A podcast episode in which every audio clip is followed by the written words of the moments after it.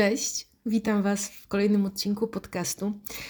Nie wiem jak Wam, ale mi się zrobiło cieplutko na serduszku. Mm, ten dźwięk towarzyszył mi w dzieciństwie i pamiętam, że niedziela, godzina 19 to była świętość. Wtedy w TVP1, w TVPiS leciały bajki zwane e, dobranockami, tudzież wieczorynkami. I właśnie w niedzielę o 19 były bajki Disneya, to były takie bajki VIP, bajki premium i niesamowicie na nie czekałam i cieszyłam się, że je oglądam, nie wiedząc, że ryją mi banie. I w tym odcinku chciałabym Wam opowiedzieć o pewnym koncepcie, o pewnym wspólnym mianowniku, który zaobserwowałam, czyli um, opowiem Wam o tym, co łączy bajki Disneya i filmy porno. No bo dobra, kto z Was oglądał bajki Disneya, niech podniesie lewą rękę. Dobra, ja podniosłam. Ten, kto z Was oglądał porno, niech podniesie prawą dłoń. Podniosłam. I teraz przybijcie sobie piątkę. Wszyscy mieliśmy zjebane początki naszej edukacji, y, zarówno seksualnej, jak i relacyjnej. I powiem Wam, że no, kiedy oglądałam bajki, e, nie tylko Disneya, ale Disneya zwłaszcza, no to nad nimi jakoś specjalnie nie rozmyślałam, nie kminiłam. Wiecie, miałam 6 lat, może dlatego. Mm, z kolei e, pamiętam, że kiedy oglądałam e, zakazane filmy w sobotę o 23 e, na Polsacie, to również nie zastanawiałam się jakoś specjalnie nad ich szkodliwością.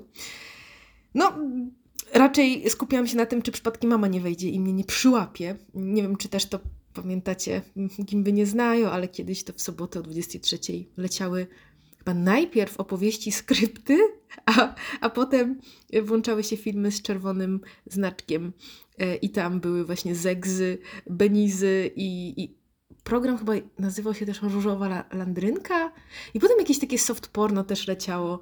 Nie wiem, aż tak właśnie nie pamiętam, ale pamiętam, że oglądałam i bardzo się skupiałam na tym, żeby mama nie weszła.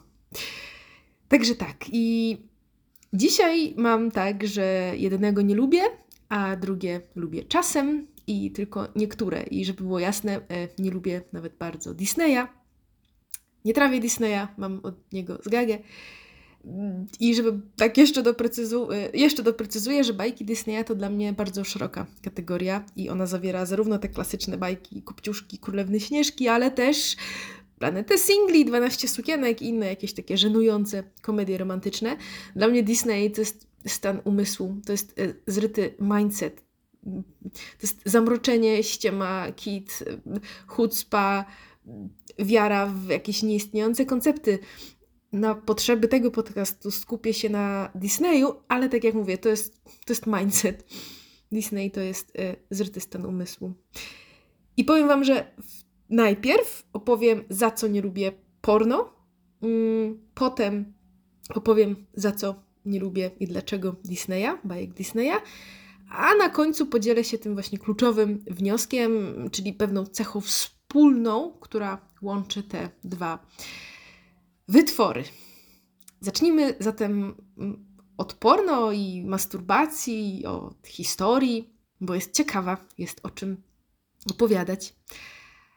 Pornografia rozpoczęła się właściwie w 1897 roku, kiedy George e, Meiles, jakkolwiek się to wymawia, Mills, Mails, Meiles w każdym razie w swoim filmie Po balu po raz pierwszy zarejestrował na taśmie filmowej rozebraną kobietę. Wiecie, wtedy to był absolutny szok. Mm, Szałpał i z kolei pierwszy film stricte pornograficzny powstał w roku 1908. No i filmy i branża rozwijały się tak, jak rozwijało się kino, czyli mieliśmy kino nieme, potem już e, kino, w którym były dźwięki, potem mm, pojawiło się kino kolorowe w 67. Potem mm, dosyć ważnym mm, momentem było to, że telewizory pojawiły się w domach, potem e, pojawiły się też piloty, to było w jakoś 75 roku, e, osobiste kamery wideo, no i tak jak rozwijał się rynek produkcji filmów i dostępu do telewizorów, tak samo rozwijało się porno. Swoją drogą mała e, ciekawostka, że mm, do grona tych pierwszych którzy dostrzegli potencjał e, drzemiący w telewizji jako w medium pewnym masowym, należą naziści. I pierwsza na świecie transmisja programu telewizyjnego mm, była nadana w Berlinie w 1935 roku. Mm, potem, jak pamiętam, pierwsza z kolei transmisja na żywo miała miejsce mm, w trakcie olimpiady. No i już wiecie, potem to już poszło. No i w momencie, kiedy ja już dorastałam, to mieliśmy Playboya, właśnie różowe landrynki, potem pojawił się internet, który doprowadził do totalnej też rewolucji na rynku. No i dziś mamy Pornhuba, czy jak ostatnio widziałam na TikToku jest Painhub też. E, no i seks stał się gdzieś elementem popkultury. Mm, cycki przestały nikogo już jakby szokować. To jest jakby standard i można obserwować roznegliżowane ciała dosłownie na ulicach, na reklamach, na billboardach, w teledyskach itd. Tak no i dziś porno, już takie porno-porno, jest większe niż Hollywood i wydaje 12,5 tysiąca filmów więcej e, rocznie.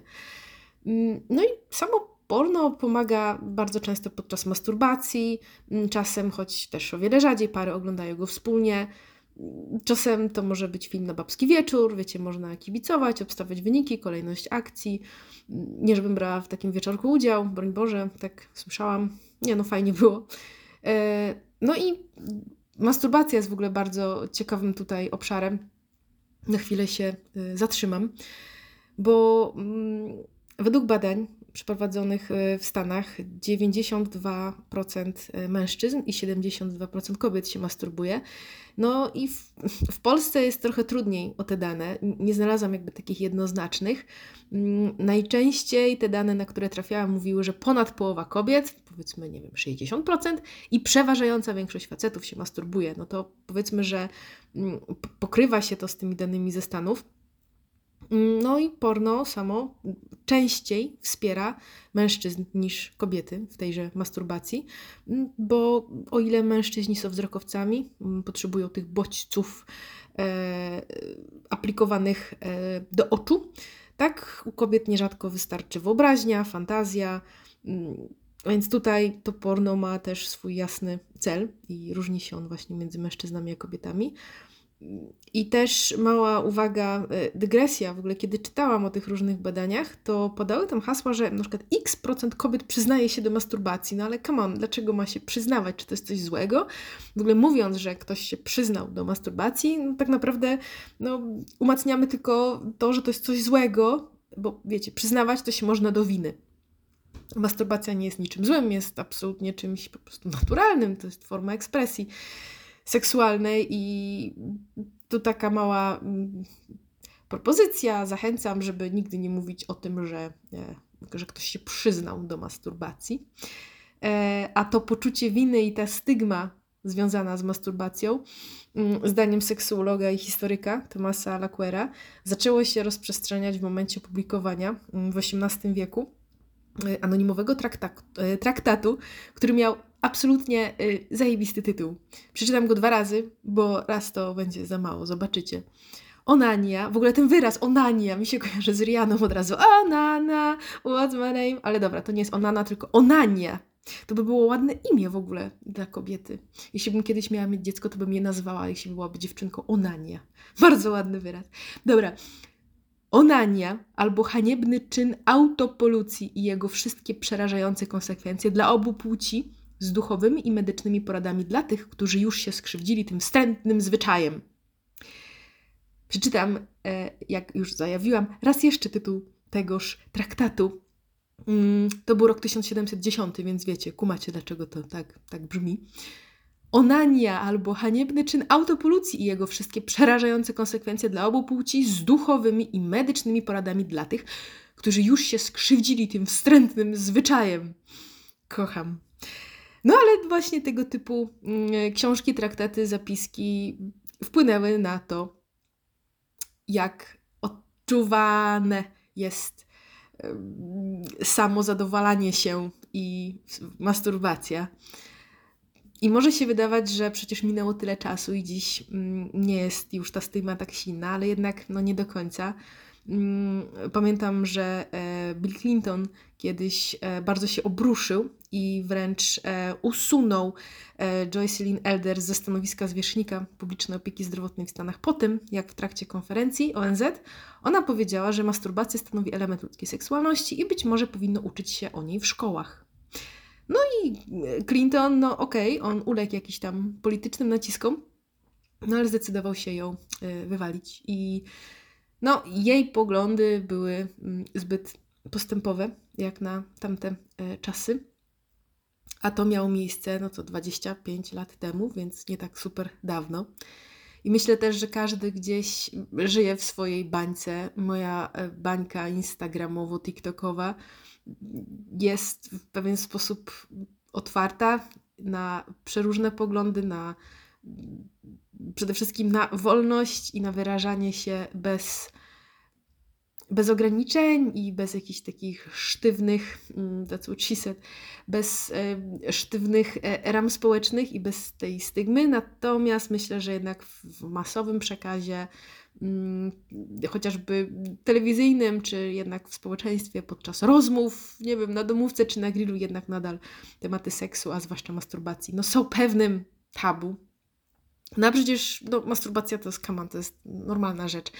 Tak jak zjemy i chce nam się kupę, jeśli wypijemy, to chce nam się siku, a jeśli nie uprawiamy seksu albo mm, poznamy osobę, która na nas zadziałała w sposób absolutnie seksualny, czujemy pożądanie, no to chce nam się y, seksu, a jeśli tego seksu nie ma, to y, warto zrobić y, sobie po prostu dobrze. Ja nie widzę w tym absolutnie nic jakby pff, nada big deal.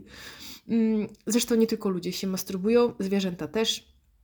I te zachowania autoretyczne e, można zauważyć na przykład u afrowiórek. Wiecie, że są afrowiórki? Kocham to po prostu. Afrowiórka to jest taka afrykańska wiewiórka. Wpiszcie sobie, wygląda fenomenalnie. Tam gdzieś żyje sobie w Kenii, w Tanzanii i robi sobie dobrze.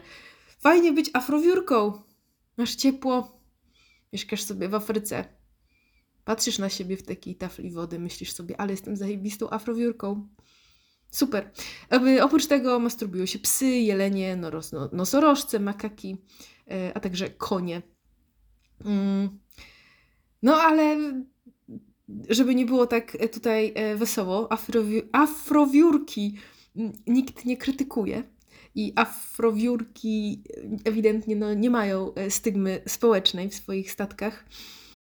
Natomiast w życiu ta masturbacja w jakiś sposób wpływa jednak na relacje i na to, jak my w tych naszych e, statkach mniejszych, większych, tudzież dwuosobowych funkcjonujemy.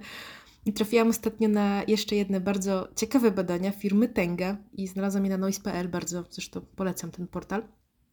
I te badania mówiło, że 37% badanych kobiet woli się masturbować niż uprawiać seks z drugą osobą, z kolei połowa mężczyzn woli stosunek od samodzielnej przyjemności.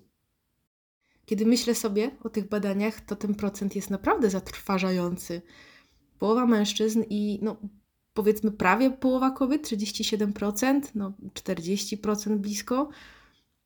I to są grupy, które wolą seks w pojedynkę niż z partnerem, tudzież z partnerką. No, mówi się, że jeśli chcesz, żeby coś było dobrze zrobione, to zrób to sam, ale no, jest to cholernie smutne. Jest tak, że znowu już kolejne badania, nie będę mówić źródeł, bo szkoda czasu, ale pokazują, że 95% e, facetów szczytuje w trakcie stosunku, a tylko 65% kobiet e, szczytuje podczas e, heteroseksualnego seksu, więc zdecydowana większość facetów szczytuje w trakcie stosunku, a z kolei no, 65% tylko szczytuje kobiet. I za tę różnicę, nazywaną też e, luką orgazmową, trochę jak wiecie, luka płacowa, odpowiada w dużej mierze no, kulturowa ignorancja fizjologii e, naszego kobiecego orgazmu. Mm, I to myślę jest bardzo mocno spowodowane między innymi e, właśnie filmami porno. I teraz cofnę się na moment jeszcze do jednej z tych informacji, że właśnie 95% facetów szczytuje w trakcie stosunku, a jednak połowa z nich woli masturbację. I znowu myślę, że tutaj mocno, mocno miesza porno. I zaraz y, mówiąc o tych dziesięciu sposobach, w jaki niszczą filmy porno, bo będę chciała Wam je wymienić, jednym z nich właśnie, mm, w jednym z tych powodów jest e, wyjaśnienie. No i sami popatrzcie, czy to nastraja pozytywnie? No wydaje mi się, że nie. Bardzo duża część nas, kobiet i e, połowa mężczyzn woli masturbację od seksu z drugim człowiekiem, a podczas tego seksu prawie każdy facet szczytuje, mimo to połowa woli masturbację, e, a mm, tylko 65% kobiet umie osiągnąć e, orgazm w trakcie seksu. No i właśnie, no i, i tu przechodzimy mm, do sedna. I wymienię Wam 10 sposobów, w jaki niszczą firmy porno. W, w mojej ocenie e, bazowałam tutaj zarówno na artykułach branżowych, jak i na moich gdzieś doświadczeniach, przemyśleniach, literaturze. Mm, jest taka książka, Instrukcja obsługi penisa, bodajże. I mimo, że tytuł jest cholernie. Tytuł według mnie spłaszcza całą książkę. To jest wywiad rzeka mm, seksuologa, e, dziennikarza z seksuologiem. I cała książka mm, pokazuje, z czym borykają się mężczyźni właśnie w obszarach, w obszarach seksu. Pamiętam, że ta książka mi bardzo otworzyła oczy. No, tytuł jest dosyć mylący. Więc będzie to miks i moja subiektywna lista tych 10 e, powodów. Więc przede wszystkim, e, po pierwsze, e, primo, porno zaburza wizerunek ciała i to bardzo mocno. Te filmy narzucają dosłownie chore, odrealnione standardy względem wielkości penisa, wielkości piersi, pośladków, jąder, w ogóle wszystkiego. I dla aktorów porno ciało to jest narzędzie pracy i oni poświęcają mu 100% swojej uwagi i wyglądają przez to, mm, patrząc na kanony y, piękności, na pewne kanony porno, no to wyglądają świetnie, idealnie, według tychże przyjętych standardów. Tylko, że to jest w ogóle nierealne w rzeczywistości. I mm, wiecie, to tak jakby oczekiwać od każdego na co dzień wyglądu kulturysty, od mężczyzn i wyglądu modelek Victoria's Secret albo w ogóle modelek od kobiet. I o ile jeszcze wygląd kulturysty i modelek Victoria's Secret jesteśmy w stanie w jakiś sposób w miarę, w miarę osiągnąć, to porno bardzo często stosuje też e, zabiegi, mm, żeby coś wyglądało inaczej. Penis czasem jest e, kręcony w takich ujęciach, żeby wydawał się większy, podobnie jak piersi. E, do tego dochodzi bardzo szeroka Medycyna tutaj estetyczna, wiadomo, implanty, te sprawy, no, no to jest masakra. I teraz, jeśli ktoś wychowuje się oglądając takie ciała, y, to potem patrzy w lustro i myśli sobie: O, ja, mm, zostaje mi masturbacja, nikt mnie nie zechce. Porno bardzo utrudnia seks w realu. I tutaj mamy takie zamknięte koło, y, bo tak, zbyt częste porno i masturbacja utrudniają późniejszy seks, bo ciało przyzwyczaiło się do innej, bardzo charakterystycznej dla masturbacji stymulacji, przez co mm, na przykład, jeśli facet po latach bycia y, i życia solo decyduje się na randkowanie, idzie z kobietą do łóżka, czuje się dziwnie, źle, ma problem z erekcją, stymulacja, którą serwuje kobieta, no, że tak powiem, y, nichu ja nie przypomina tego, co y, on robi sobie w trakcie masturbacji, więc czuje się źle, wycofuje się i wraca znowu do porno i masturbacji. Wiecie, jakby pochwa czy usta nie są w stanie odtworzyć nacisku, jaki może wywołać dłoń czy jakieś narzędzia.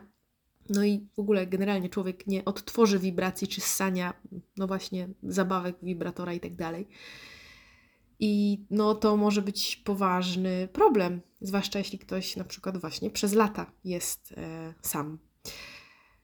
Porno wpędza w kompleksy związane y, z długością już nie tylko e, członka, ale też stosunku.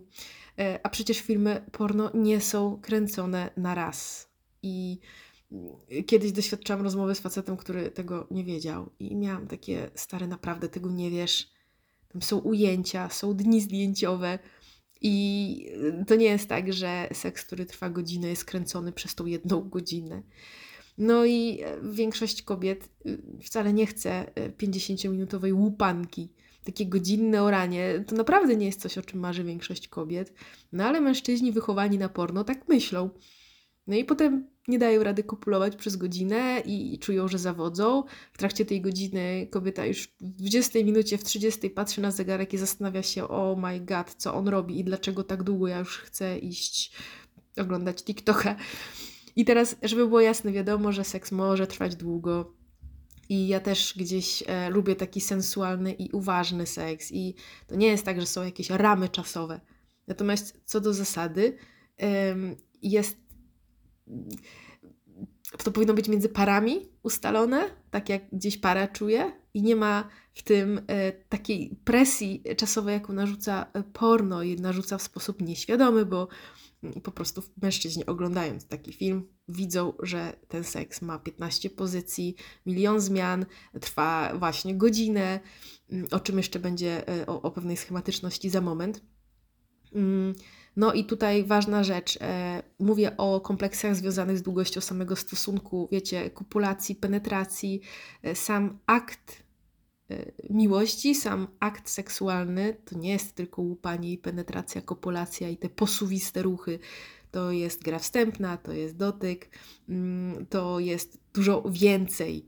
I teraz, jeśli mężczyzna oglądający porno nauczył się, że samo łupanie trwa godzinę, no to może być potem problem, że nie do końca to trafia. E, choć bardzo świadomie i za każdym razem używam określeń, że większość kobiet albo większość mężczyzn, bo oczywiście nie ma zasad i pewnie są kobiety, na pewno są, które chcą łupania i penetracji, która trwa godzinę. Jasne. Ja takiej chyba nie znam. Mm, no ale też e, liczba kobiet, z którymi rozmawiam na aż tak e, głębokie e, tematy, też jest ograniczona. Także tutaj bardzo świadomie używam słowa większość, a nie, że wszystkie. Mm, czwarty punkcik, mm, no właśnie schematyczność, do której wcześniej nawiązałam. Porno narzuca pewien schemat stosunku. I ten seks jest właśnie no, cholernie przewidywalny i bazuje na penetracji, kończy się e, na jej twarzy, w ustach albo we włosach. Musi być oral, anal i jakieś dziwne, niewygodne, kosmiczne pozycje. Wiecie, odwrócone śrubokręty, jakieś szalone wiertło. Mm, MC Hammer. No i oczywiście y, zawsze musi być orgazm. Zawsze. Musi być. Musi być. Co to za seks bez orgazmu w ogóle? O co ci chodzi? Nie ma takiej opcji. Dobra, kobieta jeszcze spoko, facet musi spektakularnie dojść. To musi być taki wytrysk jak fajerwerki na Sylwestra. E, milion światełek, milion kropli i ma po prostu zabryzgać wszystko, co się da. I to jest takie wtedy wow. I to znaczy, że facet jest, to jest konkretny samiec. No i właśnie, porno jest bardzo penisocentryczne. Porno powstało dla mężczyzn i jakby przyrodzenie jest w centrum uwagi. Taki siusiak atencjusz. Ja, ja, ja, patrz na mnie, chwal mnie. Mm, kobiety, wiecie, mm, kobiety nie podniecają się widokiem e, penisa. Są na pewno takie, które to jara, ale jakby to jest przeniesienie sposobu reagowania mężczyzn na kobiety. To mężczyźni podniecają się widokiem piersi, piersi, e, piersi tudzież pośladków. E, kobiety nie są aż tak wzrokowcami mm, i e, część będzie na to w jakiś sposób reagowała, ale znowu w mojej ocenie większość kobiet nie jara się widokiem penisa. po prostu. Mm, a w filmach porno wszystko kręci się wokół członka, a na pierwszym miejscu jest oczywiście przyjemność faceta nie kobiety. No i tutaj to mnie doprowadza e, do kolejnej e, rzeczy, bardzo już ważnej, mniej zabawowej, czyli uprzedmiotowienie kobiet. Seks porno bazuje na penetracji, na oraniu, na e, ostrej kopulacji i totalnie pomija fizjologię kobiet. Wielki hashtag, łechtaczka. Jeśli jesteś mężczyzną, i słuchasz tego podcastu, to bardzo Cię proszę, wygoogluj sobie łechtaczkę, co to jest, jak to działa, jaki to jest organ. Y, sprawdź, proszę, bo bardzo y, dalej jest dużo mitów na temat y, punktu G łechtaczki. Punkt G w ogóle to jest zakończenie łechtaczki, która jest na zewnątrz, czyli łechtaczka to jest coś, co jest w innym miejscu niż by się większość facetów mogła e, spodziewać, a punkt G jest zakończeniem nerwowym łechtaczki. To nie jest jakiś osobny organ, punkcik, jakiś groszek e, w środku. I większość kobiet szczytuje właśnie poprzez stymulowanie łechtaczki. I znowu, tak jak e, poprzednio mówiłam o aspekcie reagowania na bodźce wizualne, porno tak samo mm, próbuje zrobić odbicie e, przyjemności kobiety w seksie. To znaczy, jeśli mężczyzna dochodzi poprzez penetrację, to kobieta też. Yy, nope, that's not how it works. To, to nie do końca tak jest i nie jest to takie proste. To nie jest idealne odzwierciedlenie. Więc hashtag łechtaczka. I w filmach e, bardzo często jest wspomniane uprzedmiotawianie kobiet i są one mm, klepane, szarpane, podduszane, e, trzymane mm, mocno za nadgarstki, tak, że mają czerwone albo już sine ręce. Mm, I oczywiście wszystko im się podoba. Wszystko jest super. One jest ekstra. Jest zajebiście. Są takie, jak takie nieme kukły, jak takie marionetki, worki z piaskiem rzucone. I w jednym e, z badań e, filmów porno e, z 2010 roku okazało się, że 9 na 10 scen zawierało bicie lub inny rodzaj poniżania kobiety, a rezultat niemal zawsze był ten sam, czyli że no, kobieta, ofiara wydawała się być na to obojętna lub wręcz zadowolona. I to nie przystoi temu, co jest w realu. O tym jeszcze będzie też za moment. I znowu, są kobiety, które oczywiście lubią taką formę ekspresji seksualnej, lubią klapsy, lubią być w jakiś sposób podduszane, ale to nie jest sta standard i to nie jest coś, co można uznać za pewną normę, która pasuje wszystkim. I to jest ten problem. Mm, poza tym to stawia kobiety w roli mm, narzędzia. Tak jakby facet uprawiał seks z ciałem, z fizjologią, z dziurą. To sprowadza kobiety do roli dziury i, i ciała, które można sobie szarpać, klepać, mm, szczypać mm, i tak dalej. To jest coś, co gdzieś mnie y, boli, kiedy myślę, że oglądają to y, dwunastolatki albo siedmiolatki, albo no, dzieci. Kolejna rzecz to jest bardzo spłaszczona seksualność. Ojejku, i to mnie gdzieś też e, e, boli. Mm, w porno mamy co? Mamy cipkę, penis, cycki, anal, coś jeszcze? A, pośladki, które służą do tego, żeby na nie dochodzić i je klepać. I cóż, to są takie centra zarządzania. I one są najczęściej e, miętolone, ssane, wiecie, szczypane w taki bardzo powtarzalny, i powiedziałabym, że nudny sposób. Wystarczy obejrzeć trzy filmy i już wiadomo, co będzie w czwartym. Tak jak mówię, można się spotykać, robić zakłady, obstawiać, że teraz był misjonarz, nie, to teraz będzie na boku, a teraz będzie tyłem i to totalnie się zgadza. Wystarczy chwilę pooglądać i już wiadomo, które spektrum pozycji i zachowań wystąpi w filmie. A ja mam pytanie, a co z dotykiem nóg, szyi, brzucha? E, co z pocałunkami szyi? Co właśnie z też z delikatnym dotykiem i z głaskaniem? A co z pikantnymi rozmowami? E, jakby pornografia w ogóle nie pokazuje, jak wygląda realny seks, taki pełnowymiarowy, wielowarstwowy w prawdziwym życiu. Bo, bo w życiu to raz jest ostro, kiedy indziej jest czule. Pozycje są mm, zmieniane, a kiedy indziej może cały seks trwać 10 minut i być na misjonarza i być fenomenalnym, wspaniałym doznaniem. Czasem pieszczoty kończą się pieszczotami. Czy jak to było w Brawo, petting, uwielbiam, bo pamiętam, uwielbiałam to słowo, to tak mnie fascynowało, petting, co to jest w ogóle petting, ale w Dziewczynie i w Brawo o tym było non-stop.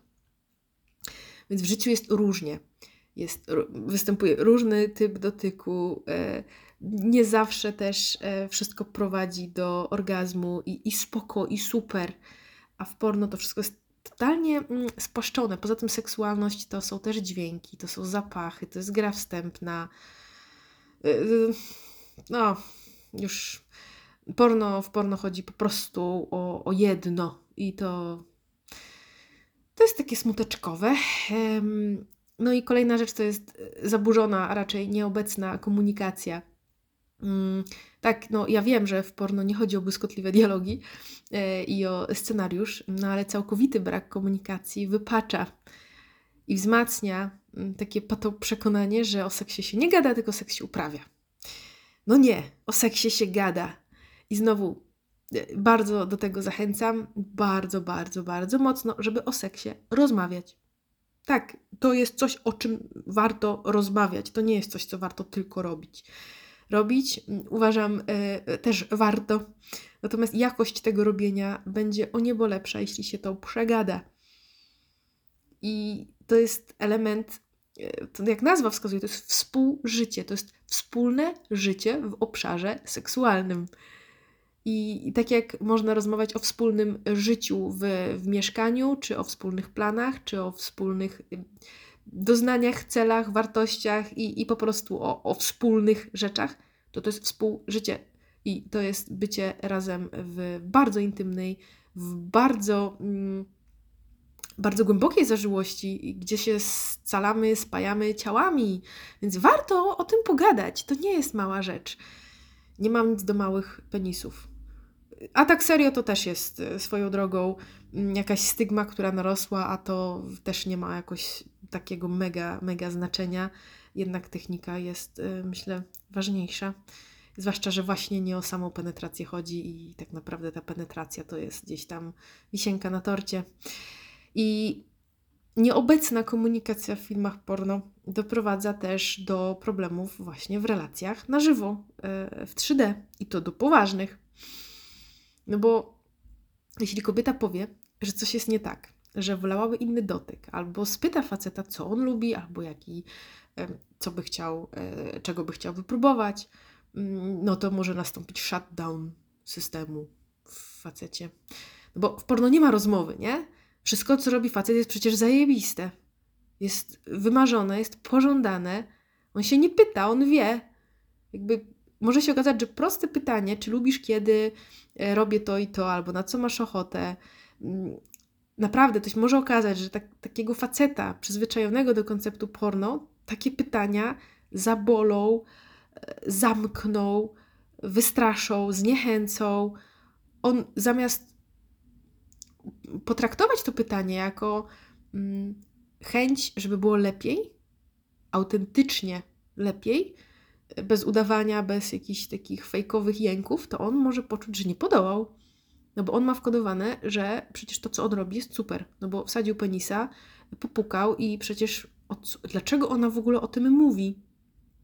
Przecież dlaczego ona w ogóle pyta, jak, jak to możliwe, że coś jest nie tak? I ja się też temu jakoś super mocno nie dziwię tej reakcji. Jeśli mężczyzna oglądał porno na 100 lat, jak mówimy na przykład o takim e, facecie czy chłopaku, który ma, nie wiem, 21 lat i pół życia oglądał porno, no bo załóżmy od 10 roku życia, jest przyzwyczajony do tego, że on robi tak, jak czuje, jak uważa, jak się naoglądał. No i nagle dziewczyna mu mówi, że słuchaj, ja bym bardzo chciała, żebyś ty stymulował albo skupił się na mojej łechtaczce, zamiast mnie po prostu yy, posuwać. No to dla niego to może być naprawdę policzek on się może poczuć odrzucony, niezrozumiały, jeszcze może poczuć, że to jest niesprawiedliwe, bo przecież on robi tak, jak się robi. Więc brak rozmów i jakby porno umacnia ten wzór, w którym nie ma rozmowy i nie ma przestrzeni na dialog i na wymianę zdań na temat własnych preferencji, oczekiwań, pragnień, fascynacji, fantazji itd. Tak no i kolejna rzecz to to, co jest wyjątkiem w życiu, jest regułą w porno trójkąty, mm, ostre, spontaniczno-ONS-y, elektrostymulacje, pejcze, co tam jeszcze jest, e, czworokąty, jakieś podwieszania, podduszania, korki analne. Mm, okej, okay, sporo par lubi eksperymentować i ma swoje jakieś ulubione zabawki czy fetysze, ale zazwyczaj to są jakieś elementy, swoiste urozmaicenie.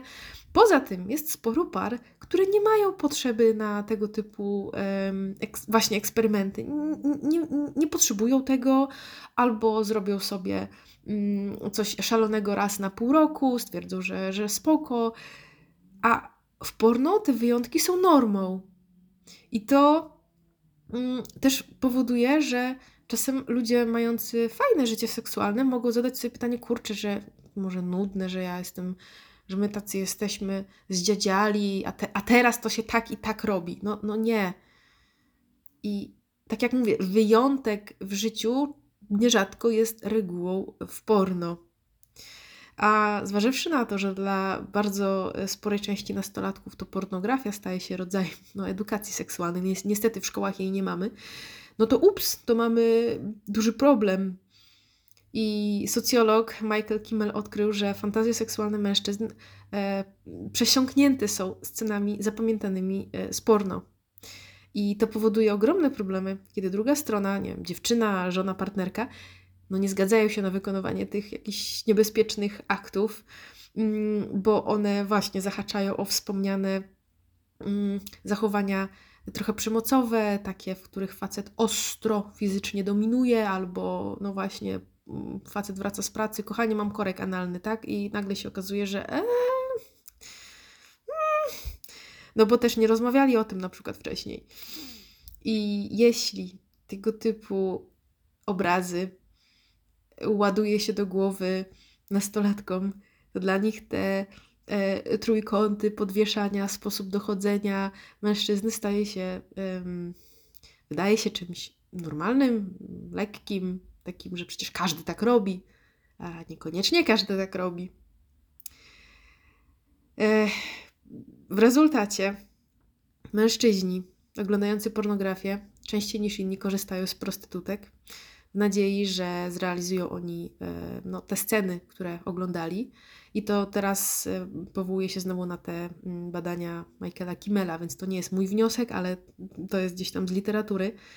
Także u niego, kiedy rozmawia z mężczyznami, okazuje się, że tak, że spośród klientów prostytutek jakby większość to są osoby, które mm, oglądają porno i chcą jakby je zrealizować, e, a z kolei w jednym e, z kolejnych badań 80% mm, byłych prostytutek utwierdziło, że klienci przynosili im pornografię jako ilustrację oczekiwań, czyli 80% prostytutek jakby potwierdza, że faceci przychodzą z porno i, i jakby chce tak, chce, chce tak jak tu. Tak jak dziewczyny chodzą do fryzjera ze zdjęciem jakiejś gwiazdy, chce takie włosy, no to tutaj mamy, chcę to, zrób mi tak. I no, wiecie, jakby nasz umysł jest miękki, nasz umysł, im jesteśmy młodsi, tym jest bardziej podatny i jeśli dzieciak naoglądał się takich rzeczy, potem nie dostaje ich w dorosłym życiu, to czuje frustrację seksualną. Ja to jakby w pełni rozumiem, to, to w tym jest logika, tak? No, to nie znaczy, że to aprobuję, ale rozumiem. No, Dlatego nie jestem fanką tak porno. Mm, no i ostatnia rzecz to jest e, bliskość. Porno w ogóle zapomina o bliskości, która może być świetnym, e, absolutnie cudowną bazą i, świetnym elementem seksu, także ostrego, także takiego, który jest bardziej dziki, namiętny, e, czy nawet zawiera te właśnie elementy takie mm, takiej kontrolowanej przemocy, która jest w zgodzie z dwoma osobami, bo o tym mówię. I tym bardziej, właśnie, tym bardziej, jeśli dwie osoby decydują się na taką formę, gdzie dochodzi do jakiegoś mm, pewnego y, zniewolenia, poddania, e, gdzie mężczyzna załóżmy góruje, czy kobieta, bo to jest wszystko uznaniowe, to tutaj tym bardziej musi być bliskość, zaufanie, poczucie bezpieczeństwa, że ktoś nie przekroczy mojej granicy, jeśli ja nie jestem na to gotowy czy gotowa. W porno tego nie ma.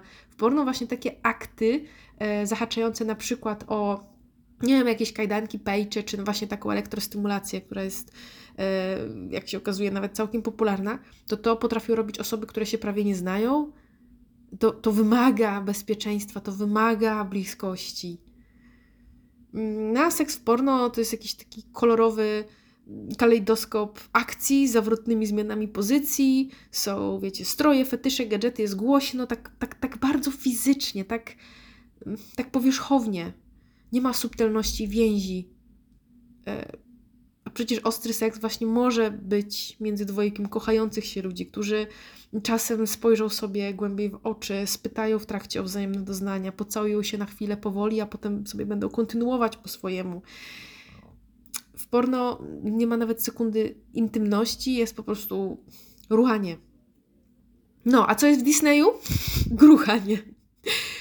Jak przejdę gładko, jak po lubrykancie truskawkowym do Disneya.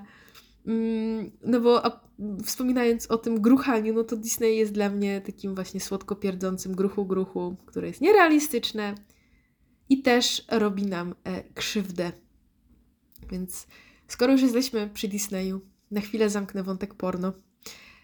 Otworzę wątek Disneya. Mm, opowiem kilka e, ciekawych faktów. E, potem powiem Wam o 10 e, sposobach, w jaki niszczą nas bajki Disneya, a potem powiem, co te dwa byty łączy. Więc jeśli chodzi o Disneya, to samo studio powstało w 1923 roku. Dziś należy do niego też Pixar, Marvel i Lucasfilm, o czym wiele osób nie wie, a Lucasfilm, no to wiecie, tam są Star Warsy wszystkie i wszelkie. A sam Disney, Walt Disney jest bardzo ciekawą i dość e, pokręconą postacią. Myślę, że gdybym go spotkała za życia, to bym mu dała namiar do mojej terapeutki. E, nie będę teraz się skupiać jakoś super mocno na samym Disneyu, bo jednak pamiętajmy, że bajki są tworzone przez całą wielką ekipę i wytwórnię, a nie jedynie przez Disneya, choć faktycznie no, pierwsze kierunki to tworzył on. Zresztą on nawet był głosem pierwszej myszki Miki. Nie wiem, czy wiecie, on sam dawał głos myszce Miki. Mm, z takich dwóch e, gdzieś mm, ciekawostek, które mnie poruszyły, on w dzieciństwie zabił sowę i potem przez lata borykał się z zajebistym poczuciem winy. I ponoć stąd jakby wzięła się jego zajawka na personifikację zwierząt, czyli wszystkie, wiecie, myszki Miki, kaczory Donaldy i tak dalej. Mm, sytuacja była taka, że on gdzieś zobaczył na farmie sowę, zaczął za nią biegać, chciał ją wziąć w ręce. Potem w różnych wywiadach, jak doczytywałam się, bo na szczęście jest to e, spisane, to są jakby jego wspomnienia, a nie, wiecie, plotki, ploteczki, pudelki, to on jakby próbował sam zrozumieć, dlaczego to zrobił, ale bardzo chciał tą słowę mieć w rękach, bo to było jakieś takie wow dla niego. No i w momencie, ja jako dziecko no nie przewidział, że ta sowa zacznie się mm, wyszarpywać, będzie machać skrzydłami, podrapie go, więc on w tym szoku rzucił ją na ziemię i ją zdeptał i ją zabił. I on potem miał koszmary. Sowa jest ważnym motywem w ogóle w bajkach Disneya, można ją często zaobserwować. Mm, I to była jego trauma, dosyć, dosyć silna. E, a z kolei drugim takim też wydarzeniem, gdzie no tak e, zrobiło mi się smuteczkowo, kiedy o tym nawet bardzo e, czytałam, to po sukcesie Śpiącej Królewny, kiedy on zarobił całkiem sporo hajsu, to kupił rodzicom dom. A w wyniku awarii instalacji jego mama zmarła od zatrucia tlenkiem węgla. Czujecie? Jezu, no masakra. Bardzo, bardzo mi się przykro zrobiło, kiedy to czytałam i jakby I feel you. No, względem samego Walta Disneya padało bardzo dużo zarzutów o rasizm i mizoginię. Co do rasizmu, to faktycznie byłam w stanie się doczytać do e, różnych fajnych, mądrzejszych artykułów na ten temat i no, ta analiza do mnie przemawiała. Co do mizoginii, hmm, nie wiem, e, to znaczy jak się wpisze Disney mizoginist albo Disney e, mizogin, próbując w, w polskich nie ma co szukać, to faktycznie jest to powtarzane, ale jakby takiej mądrej analizy na ten temat nie znalazłam, więc jakby z tego miejsca sama e, siebie Was uczulam, że to hasło, hmm, jakby nie znalazłam takiego jednoznacznego mm, potwierdzenia, co nie zmienia faktu, że jego bajki przyklepują e, bardzo binarny porządek świata i patriarchalny ład. To tak, to zdecydowanie tak. I to, że właśnie zrył rolę kobiet i je bardzo mocno, mm, bardzo mocno upraszczał, to jak najbardziej uważam, że taka jest jego scheda i zaraz właśnie o tym opowiem więcej w tych 10 sposobach, w jaki niszczą bajki Disneya.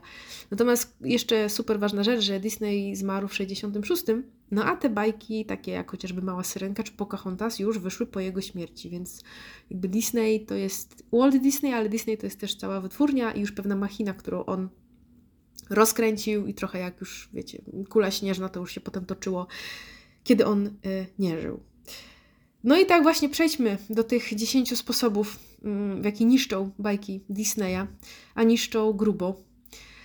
E, pierwsza, najprostsza, najbardziej oczywista rzecz, która mnie irytuje, to jest to, że e, w tych bajkach chodzi generalnie o złapanie męża. I bajki Disneya są właśnie przesiągnięte takim swoistym seksizmem. Kobiety są po prostu ładne, miłe, uległe i chodzi im tylko o to, żeby znaleźć sobie e, typa i mieć pierścionek na ręce. Więc nie do końca mi się podoba ta narracja, bo tych bajek powstało mnóstwo, a właściwie ich scenariusz właśnie oscyluje wokół ślubu i zdobycia faceta. Czyli kobieta bez faceta to niech się schowa i jakby jej los bez niego będzie smutny, gorzki i stanie się e, starą, siwą e, wiedźmą. I w ogóle to jest już może. Dobra, szybka dygresja. Tak samo wiedźmy, które bardzo często są złymi postaciami, i to są najczęściej właśnie starsze i bardzo mm, epatujące pewną brzydotą kobiety, co jest też. E, a dlaczego? A, a, a dlaczego starsza kobieta ma być od razu symbolem zła i brzydoty?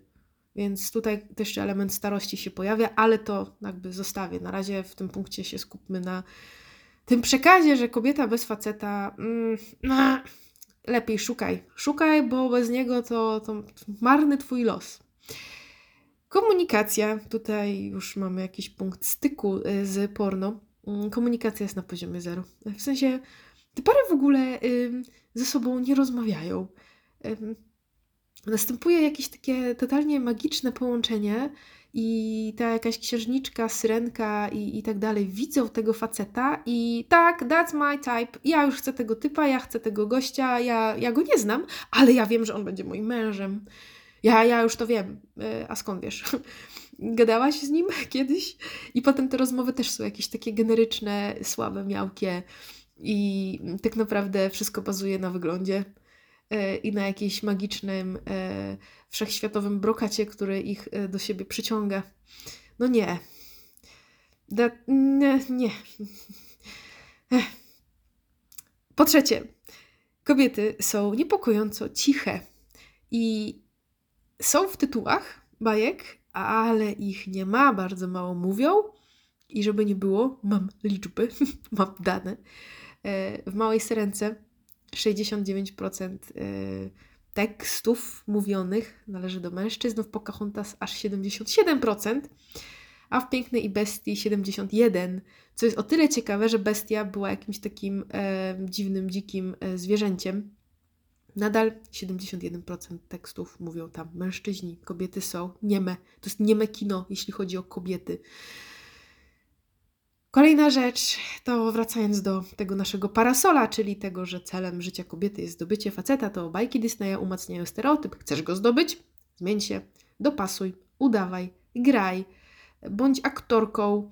Mm, zrób wszystko, żeby on cię chciał. I dla mnie symbolem tego jest syrenka Ariel i to jest dla mnie... I, i, kiedy obejrzałam tą bajkę mm, jako dorosła kobieta, to było mi cholernie przykro. Ja bym jej mówiła, stara, nie rób tego.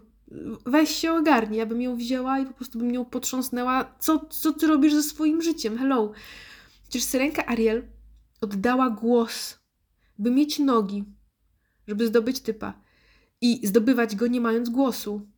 Czyli, bo to jest taki mindfuck wszechświata, że aż trzeba to rozbić na czynniki pierwsze. Ona oddała swój głos, czyli oddała możliwość mówienia, czyli jakiegokolwiek porozumiewania się z tym gościem, wyrażania siebie, mówienia i oddała swoją syrenkową tożsamość. Ogon oddała, żeby mieć nogi, żeby zdobyć księcia. What the fuck, Ariel? I to jest wzór dla małych dziewczynek? Ja pierdolę, to jest wzór dla małych dziewczynek. Czy wy czujecie jakby... Bo ja wiem, że ja mówię do dorosłych osób. Ty jesteś dorosła, ty jesteś dorosły. Ale to mówimy o treściach, które są małym dzieciom dawane do głów. Syrenka jest syrenką, ona pływa.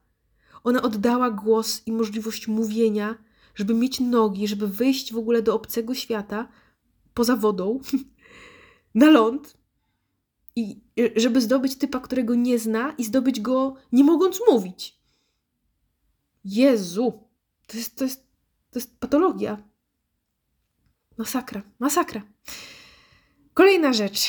Bajki Disneya mm, normalizują e, toksyczne i przemocowe związki. I zanim e, powiecie, że o Jezu, już przesadzasz, to popatrzcie sobie, obejrzyjcie jeszcze raz Piękną i Bestię. No bez kitu to jest po prostu taki pokaz syndromu sztokholmskiego i takiej narracji, w której kobieta tkwi u boku swojego przemocowca, toksyka, narcyza i niepotrzebne skreślić. Bestia była e, niestabilna emocjonalnie, ona była niebezpieczna! I ta nasza piękna e, jakby zdecydowała się na ten związek i tkwiła obok gościa, którego się wręcz bała. Więc no...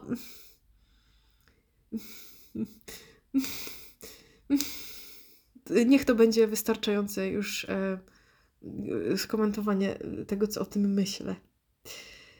I kolejny pasztet. A, zróbmy e, pasztetowa. Wspieram feminatywy. E, kopciuszek. Przekaz tej bajki. Oczywiście. Tylko typ cię uratuje. Licz na męża, nie na siebie. Chcesz mieć lepsze życie? Chcesz się wyrwać ze swojej dziury kopciuszkowej? Łap typa. Musisz mieć męża. On ci zapewni dobre, piękne, kolorowe, e, cudowne życie. Super wzór dla małych dziewczynek, super. Nie, że Znajdź swoją pasję, postaw sobie cel, realizuj go, bądź niezależna. Nie, nie, nie bez sensu. Znajdź faceta i wtedy będzie dobrze. Ech. I e, kolejna rzecz e, to, to jest pewien motyw, który się gdzieś tam przejawia w różnych bajkach, ale zwłaszcza w Śpiącej Królewnie, czyli mm, jeśli Disney mówi, że jakby pragniesz ją, chcesz jej, no to nieważne, że śpi, jedziesz, nie? Przecież ona nie wie, on, ona śpi. I Śpiąca Królewna została pocałowana właśnie we śnie, bez jej zgody, bez jej świadomości. No i wiecie, kultura gwałtu to, to nie są żarty i chłopcy są uczeni, że jak dziewczyna mówi nie, to znaczy tak, a jak nic nie mówi, to również oznacza zgodę. No bo nie powiedziała nie, więc jak milczy, to mogę. I jeśli tego typu właśnie bajki oglądają dzieci, e, chłopaczki mające mięciutką jak plastelina psychikę, to taki widok gościa, który całuje odciętą od świata dziewczynę, staje się ich normą. I to się wydaje potem okej. Okay. No przecież można całować i macać pijaną dziewczynę w klubie. No przecież można rozpoczynać seks i wkładać ręce pod stanik bez upewnienia się, czy ona tego chce. I to jest też komunikat dla dziewczyn, że to jest okej, okay. czyli jeśli ja byłam pijana w klubie i gość mnie zmacał, no to moja wina, nie? No, no nie powiedziałam nic wyraźnie, że nie. No. Dlatego te przekazy, raz jeszcze, ja wiem, że one brzmią i mogą brzmieć, e, że są trochę na wyrost, ale popatrzmy, spróbujmy popatrzeć na to oczami dziecka, które nie zna tej całej mm, otoczki relacyjnej, nie jest jeszcze dojrzałym człowiekiem to jest dziecko i które widzi, że e, typiara śpi, a gość bez jej zgody ją całuje. I to, to naprawdę gdzieś e, uklepuje pewne przekonania. Zwłaszcza, że tych bajek było więcej i jak przez lata dzieci oglądają po kolei te wszystkie bajki, no to wiecie. E, kolejna rzecz to znowu, podobnie jak w porno, księżniczki są zawsze szczupłe i młode. Mm, tutaj rodzi się też druga jeszcze, mm, bo tutaj no nie będę rozwijać, tak? No są śliczne, piękne, szczupłe, chude, młode i są e, absolutnie atrakcyjne, więc zasługują sobie na miłość, no bo przecież nie ma co gadać. No jak słyszeliście, Arielka oddała głos, dialogów prawie nie ma, więc one bazują na wyglądzie w tych relacjach. Natomiast ja tu widzę jeszcze jeden taki ukryty mm, bardziej przekaz, taka druga warstwa, że miłość jest dla młodych. I tutaj bym mogła to też jeszcze dać plus jeden do porno, że to, to się dzieje tak samo w porno.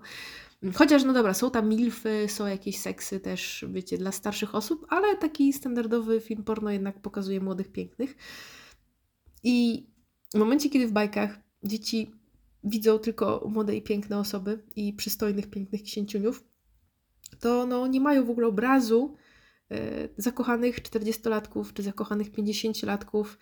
I to gdzieś taką podświadomą narrację buduje, że zakochiwanie się to jest domena młodych.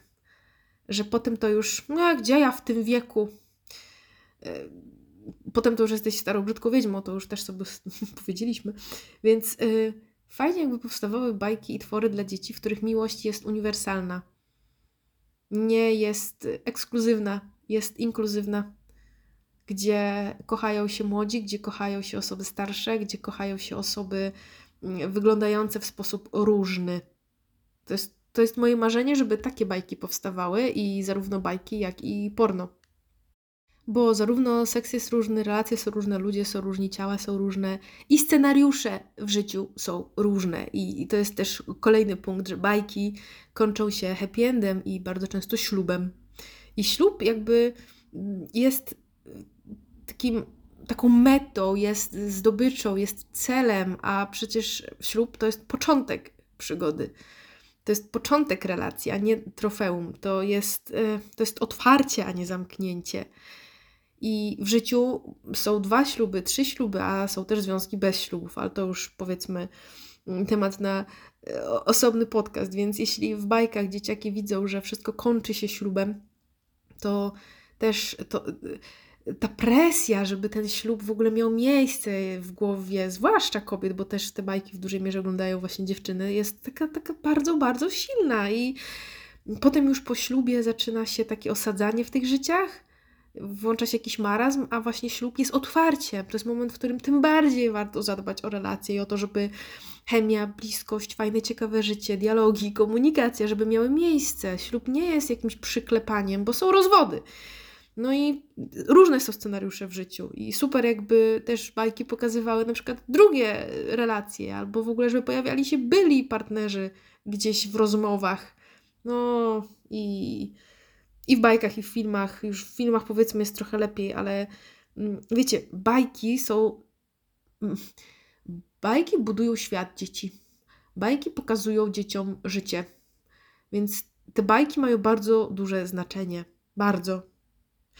I Disney mówi, że koniecznie zdobądź męża, wtedy wszystko będzie ok. A ja bym powiedziała też, że w życiu jest inaczej. To znaczy, doprowadź swoje życie i siebie do momentu, w którym jest ok, i wtedy szukaj męża. To jest mega ważne, co teraz powiedziałam, według mnie. I powtórzę to, że w bajkach jest narracja, że zdobądź męża, miej ten ślub, tudzież związek i wtedy będzie ok. I to jest happy end. A w życiu jest tak, że stwórz swój happy, nie end, tylko happy life, czyli doprowadź swoje życie do momentu, w którym jesteś szczęśliwa ze sobą, bądź niezależna i wtedy sobie szukaj ziomka, a nie niech on nie będzie gwarantem szczęścia, bo facet nie jest gwarantem szczęścia, tak samo jak kobieta dla faceta nie jest gwarantem szczęścia. No i ostatnia rzecz, relacje są bardzo płaskie i ubogie. Trochę to już gdzieś wspomniałam wcześniej, ale te, te, te właściwie nic nie łączy. No przecież co ich łączy? Oni nie gadali. Oni właściwie nie mają wspólnych pasji, zajawek, znajomych. Dziewczę widzi księcia, ona już wie i ona już wszystko, ona już wykminiła. Także to jest, e, jeśli dzieci takie coś oglądają, to, to biada związkom. Ale e, jest jeszcze gorsza biada i sobie teraz pobiadolę, że wyobraźcie sobie, co się stanie, jeśli dziewczyna, która wyrosła na Disneyu, e, pozna typa, który wyrósł na porno. Jezu. Czujecie ten, ten, ten, ten poziom dwóch mijających się światów i mm, w bajkach e, nie ma też e, seksu, więc dziewczyna, która też jest nauczona, że przecież powinno nastąpić magiczne dopasowanie, potem w łóżku może się bardzo zdziwić i o tym też nie powie, a jak powie, to facet nie chce gadać, no bo przecież o seksie się nie gada, się go robi. Nie, to jest po prostu tak, tak e, wielopoziomowe e, zmindfuckowanie i niedopasowanie, że, że wow. I niestety to się też dzieje wokół nas. Więc e, myślę, że bardzo ważne jest to, żeby e, kiedy dorastamy, bardzo, bardzo świadomie dobierać e, media, filmy, przekazy, bo one tworzą mm, no, nasze przekonanie i też te korowe przekonania, które wpajają nam się, kiedy jesteśmy mali. No dobra, to co łączy bajki Disneya i filmy porno? Doszłam ostatnio do wniosku, że te dwa wytwory potwory łączy pewna rzecz. Ale zanim jeszcze powiem konkretnie co, to przywołam Dominikę Rajską, to jest psycholożka i seksuolożka, która powiedziała mega super cytat, że pornografia to fikcyjna opowieść o życiu seksualnym człowieka. To jest fikcyjna opowieść o życiu seksualnym człowieka. No tak, to jest fikcja. Porno to fikcja. Disney to fikcja. I i tutaj, i to nie było jeszcze to sedno, które chciałam przekazać. Teraz dochodzę, that's what she said, do sedna. Co łączy Disneya i porno? To są według mnie byty, odbyty, jakie może bezpiecznie konsumować tylko dojrzały umysł. Człowiek już osadzony w realiach, świadomy tego, jak wygląda i działa ludzkie ciało, świadomy tego, jak wyglądają prawdziwe, niebajkowe relacje i czym jest komunikacja i bajki i porno wchłaniane przez dzieci i nastolatki powodują mm, emotional damage. Bardzo mało osób to zna, to jest taki trend na TikToku i zajebiście mnie rozbawił. Wpiszcie sobie emotional damage. Emotional damage! Ale dobra, jest o emotional damage, więc postaram się zachować e, powagę. Całkiem serio. Bajki i porno wchłaniane przez dzieci i nastolatków powodują no, zniszczenie spustoszenie, bo to są mm, nastolatki i dzieci jeszcze osadzają się i w świecie, chłonną, uczą się, obserwują i i te bajki i porno konstruują przekonania o świecie, związkach i kobietach, które mogło spowodować bardzo głębokie rozczarowanie i wyobcowanie, pewną alienację, bo potem życie tak nie wygląda. Relacje tak nie wyglądają, seks tak nie wygląda, ciała tak nie wyglądają. To tak jak z filmami o superbohaterach. Dziecko, widząc jak superbohater skacze z dachu i, i, leci, może uznać to za prawdę i uzna, że super. I sobie pójdzie na meblościankę i będzie próbowało skakać, bo przecież ono będzie zaraz latało, tak jak Superman. No i co wtedy robi rodzic? No tłumaczy, że to co widziały to jest bajka, że ten superbohater ma super moc, ponieważ to jest fikcja. W prawdziwym życiu ludzie nie umieją latać, i nie będziesz, synku, mógł skakać z meblościanki, bo zrobisz sobie krzywdę. I to tak w realu nie wygląda. To jest bajka, to jest jakiś koncept, to jest rozrywka. Tyle. I według mnie podobnie powinno wyglądać tłumaczenie w przypadku pornografii Disneya.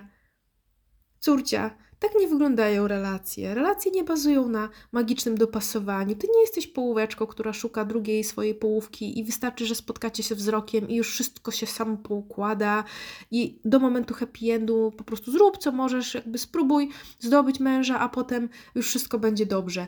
To tak nie wygląda, córcia. I tak samo do nastolatka, tudzież do chłopaczka i do dziewczyny, która ogląda porno. Córcia, tak ciała nie wyglądają. Masz piękne, naturalne piersi. Super, że masz takie piersi. Porno jest pewnym konceptem, jest fikcją, jest umową. Wiecie, jeśli nie będzie takiego tłumaczenia, to dorastają wokół nas ludzie bardzo, mm, bardzo smutni no, i, i skrzywdzeni przez te obrazy. Ja osobiście dziś, już jako dorosła kobieta, nie mam w ogóle przyjemności w oglądaniu lukrowanych happy endów i mówię tu zarówno o Disneyu, jak i o filmach, komediach romantycznych. Mm, no ale okej, okay, wyobrażam sobie, że można czerpać z tego jakiś fan. Y, natomiast ta rozrywka, już uznając, że to jest po prostu forma rozrywki, będzie bezpieczna wyłącznie, gdy skonsumuje ją świadome, dorosłe oko i, i ucho. Mm, zwłaszcza kobieta, która już rozumie, że związki nie polegają na, y, na jakiejś takiej e, idei bratnich dusz. No, no nie. Porno z kolei dla mnie jest spoko jako inspiracja, fajny sposób na dodanie pikanterii, czy jakieś tam wsparcie w masturbacji, ale znowu, kiedy ono staje się źródłem edukacji, a nie inspiracji, no to mamy problem. Więc... E, ja bym moim dzieciom y, Disneya w ogóle nie, nie odpalała, nie puszczała. Mm, a gdyby mnie o to y, córka czy syn poprosił, to na pewno bym potem albo przedtem nawet um, usiadła, żeby dojaśnić koncept. I podobnie z porno, gdybym miała y, dziecko, to bym pogadała o porno, żeby dojaśnić, że to nie jest film dokumentalny, to nie jest e, film, e, to nie jest kino realistyczne. To jest no to jest science fiction, no to jest jakby coś, co nie funkcjonuje w realu. Ludzie się umówili na pewne zachowania, jest tu jakiś kanon piękna, który jest stosowany i tyle. I tutaj jeszcze mała dygresja, że też e, na szczęście trochę nam się czasy zmieniają. I mogę też e, polecić stronę Belesa, i to jest porno dla kobiet. E, bardzo w ogóle ciekawy koncept. Tam są mm, filmy porno kręcone przez kobiety i dla kobiet gdzie y, kobieta nie jest jakby obiektem i przedmiotem, tylko jest e, podmiotem i sama y, jakby dba tutaj też o swoją przyjemność. Są tam pokazane stosunki w miarę realistyczne mm, i ten seks odbywa się pomiędzy dwojgiem ludzi dla nich, a nie dla kamery, nie dla dobrych ujęć. Jest tam, e, ta, ta przyjemność jest prawdziwa, mówią w swojej misji, że no fake orgasms ever. Oni nie zgadzają się na udawanie. I nadal są to filmy porno, ale jednak są trochę inne. Także tutaj fajnie, że coś takiego już w ogóle powstaje. Chociaż koniec końców ja od porno chyba wolę TikToka. A, no, doszłam do końca. I bardzo Wam dziękuję za wysłuchanie mm, tego odcinka. Ciekawa jestem Waszych e, przemyśleń na ten temat i, i cóż, zapraszam Was na Instagrama, zapraszam Was na TikToka, zapraszam Was na sklep ladiesgaga.pl. Jeśli lubicie to, co robię, e, słuchacie moich podcastów, to zakup e-booka, tudzież audiobooka, nawet jeśli tematyka nie jest dla Was w 100% trafiona, no nie ukrywam, że po prostu mnie wspiera i jakby w tym momencie płacicie też za podcasty i za mm, tą też formę, którą e, robię i nadal będę robić e, za darmo. Dziękuję, że jesteście. E, jeśli mogę mieć małą prośbę, bo zawsze o tym zapominam i yeah, jest 53 odcinek, nie zapomniałam. Wejdźcie sobie na Instagrama i wyślijcie link do mojego profilu znajomym. Będę mega, mega wdzięczna. Piątce znajomych. E, byłoby mi super miło, bo jakkolwiek TikTok mi się świetnie rozwija i dzieje się to w sposób organiczny, to na Instagramie jest troszeczkę trudniej. Także z góry dziękuję za każdą polecajkę. Eee, słyszymy się niebawem. Trzymajcie się ciepło. Pa, pa!